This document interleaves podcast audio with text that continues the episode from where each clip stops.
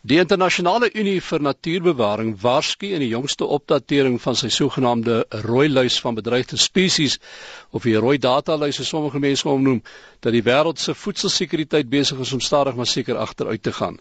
Drie voëls wat in hierdie land voorkom se status is ook negatief aangepas tot bedreig.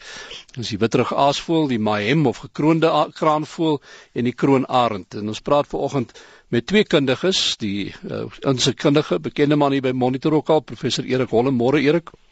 Môre, hoe gaan dit? Goed, dankie. En dan ook die Oppenheimer genoot by BirdLife Suid-Afrika, dis Dr. Hanelien Smit. Hanelien, môre. Môre, Kobus.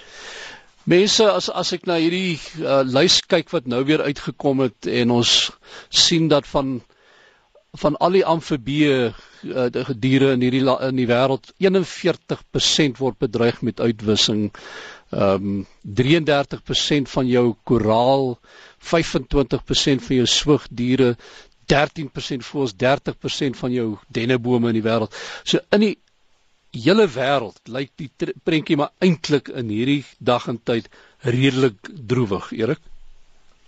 Ja, dit is 'n uh, eh, dit is natuurlik 'n verskriklike prentjie want uh, dit lyk nou erger as in die vorige 6 groot uitsterwings in die geskiedenis, né? Nee, ons weet van die fossiele rekord wat daar hierdie katastrofes was met diere wat die aarde getref het en vulkaanuitbarstings en dinge en dat amper die lewe uitgewis het. En hierdie een is amper erger. Dit is die ergste en dit is net mensgemaak, né? Uh en dit kon alles verhoed wees.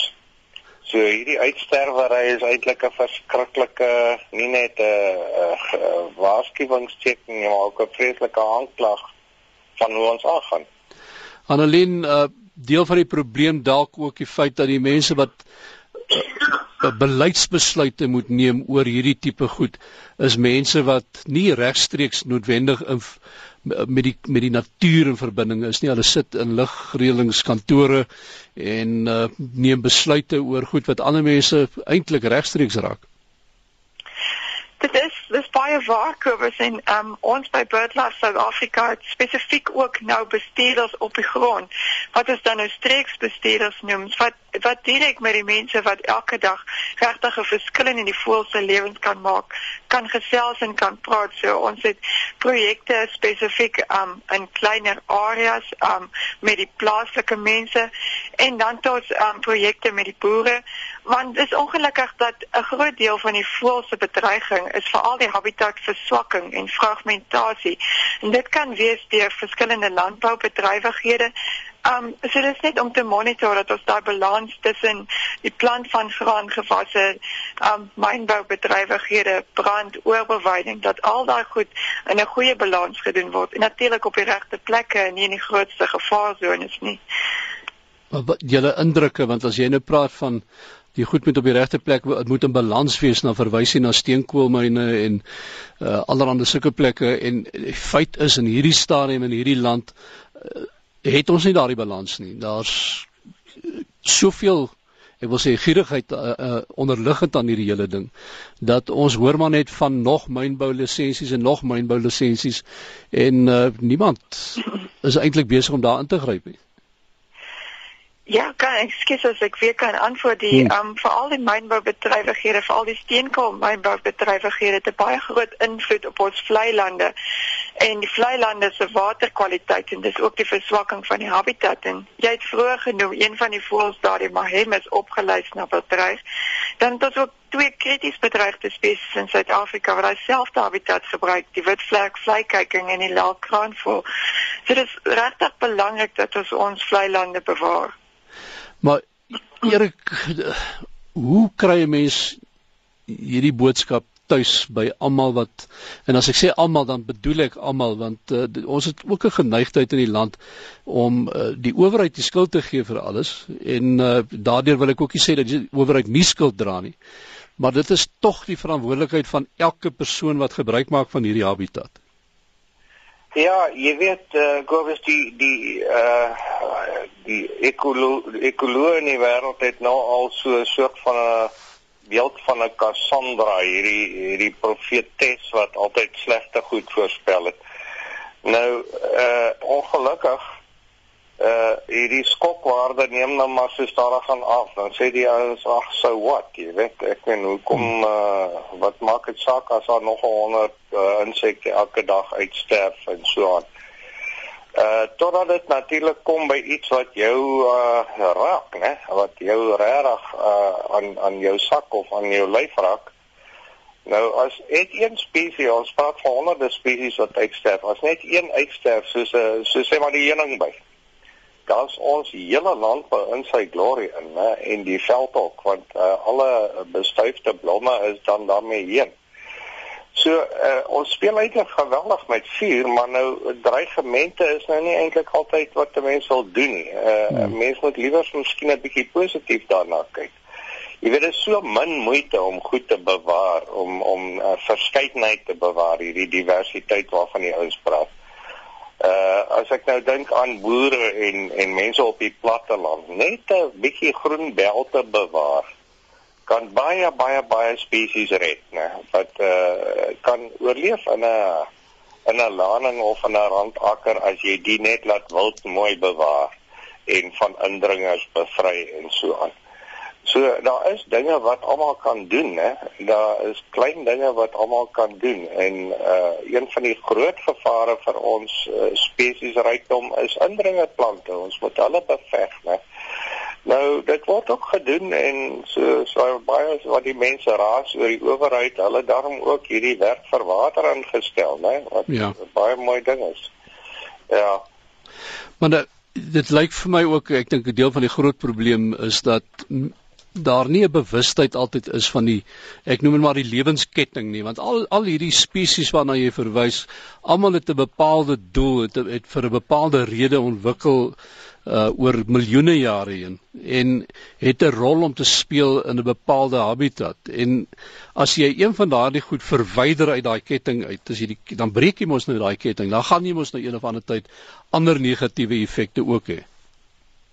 Verseker want ek en ek vergelyk dit altyd vir die ouens kyk die natuur is soos 'n organisme die goed het alles met mekaar te doen. Nou as 'n dokter hier begin sny aan jou en nou al hier 'n toon en 'n vinger af dit kan gaan hè maar as hy nou skielik besluit nee maar wat van 'n bietjie hier die lewer uithaal of die longe hè hmm. dis alles spesies van jou wat jou opmaak en soos die natuur en dis 'n geweldige gevaarlike ding om net uit te haal en nie eers te weet wat doen nie goed nie hè En dis dalk 'n 'n swam of 'n ding wat so krities is dat die hele kaarthuis gaan tuimel as jy hom uithaal, né?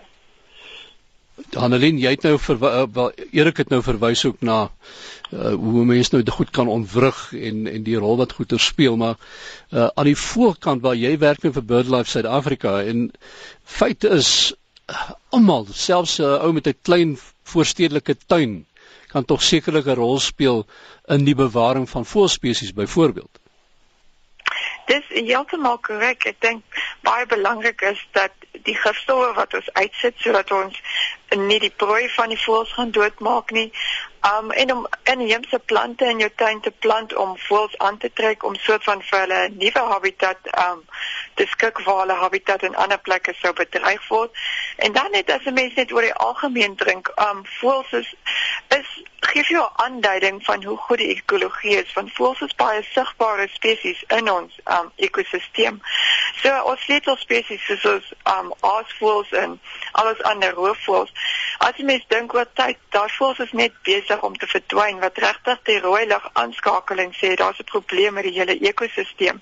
Byvoorbeeld die sekretaris vir voet op um voet dan op van die soos die rotte en die ander knaagdiere binne in die landbou areas waar hulle landboubedrywighede sou wees. Dit is belangrik om die gifstowwe uit te sit wat daai voel sekondêr sal vergiftig nie. Een van die probleme ook uh, by ons riviere sekerlik van die die afloop van uh, uh kunsmis wat in die riviere beland en wat ook in daardie opsig ek weet op die Olifantsrivier byvoorbeeld groot probleme veroorsaak. Absoluut. Ja. Um, daai gifstowwe wat dan um weer eens die die voel sekondêr sal vergiftig deur byvoorbeeld die vis wat hulle eet en en al daai tipe dinge.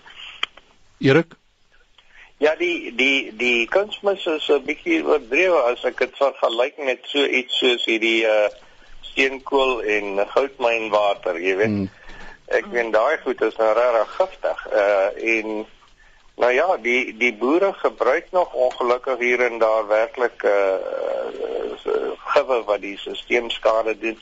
Maar dit is baie min uh want uh, Kersfees afloop moet mense onthou hoor geen boer wil dit hê nie want ek meen dis mos geld wat daar wegloop hmm. en die goed word baie duur en die ouens werk eers daar baie netjies daarmee jy weet dit is nie eers is nie ou daar wat die goed wild en wakker gegooi is nie maar wat ongelooflik kommerwekkend is is hierdie mynbesoedeling né uh beide van van die ou goudmyne wat die grondwater nou opkom met die ongelooflikste giftigheid in en dan hierdie steenkool uh oppervlakmyning waar al die oppervlakwater en uh, vlei lande goed dan so besoedel raak dat niks daar kan leef nie né? Dit word 'n steriele landskap.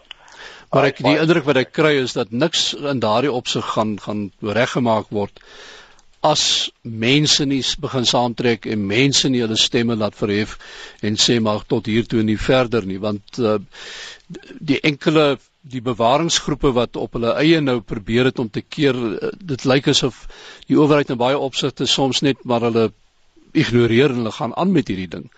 Uh so lyk vir my amper asof as die gemeenskap in Hebreë nie begin ingryp nie, dan gaan hierdie ding nie gestop word nie.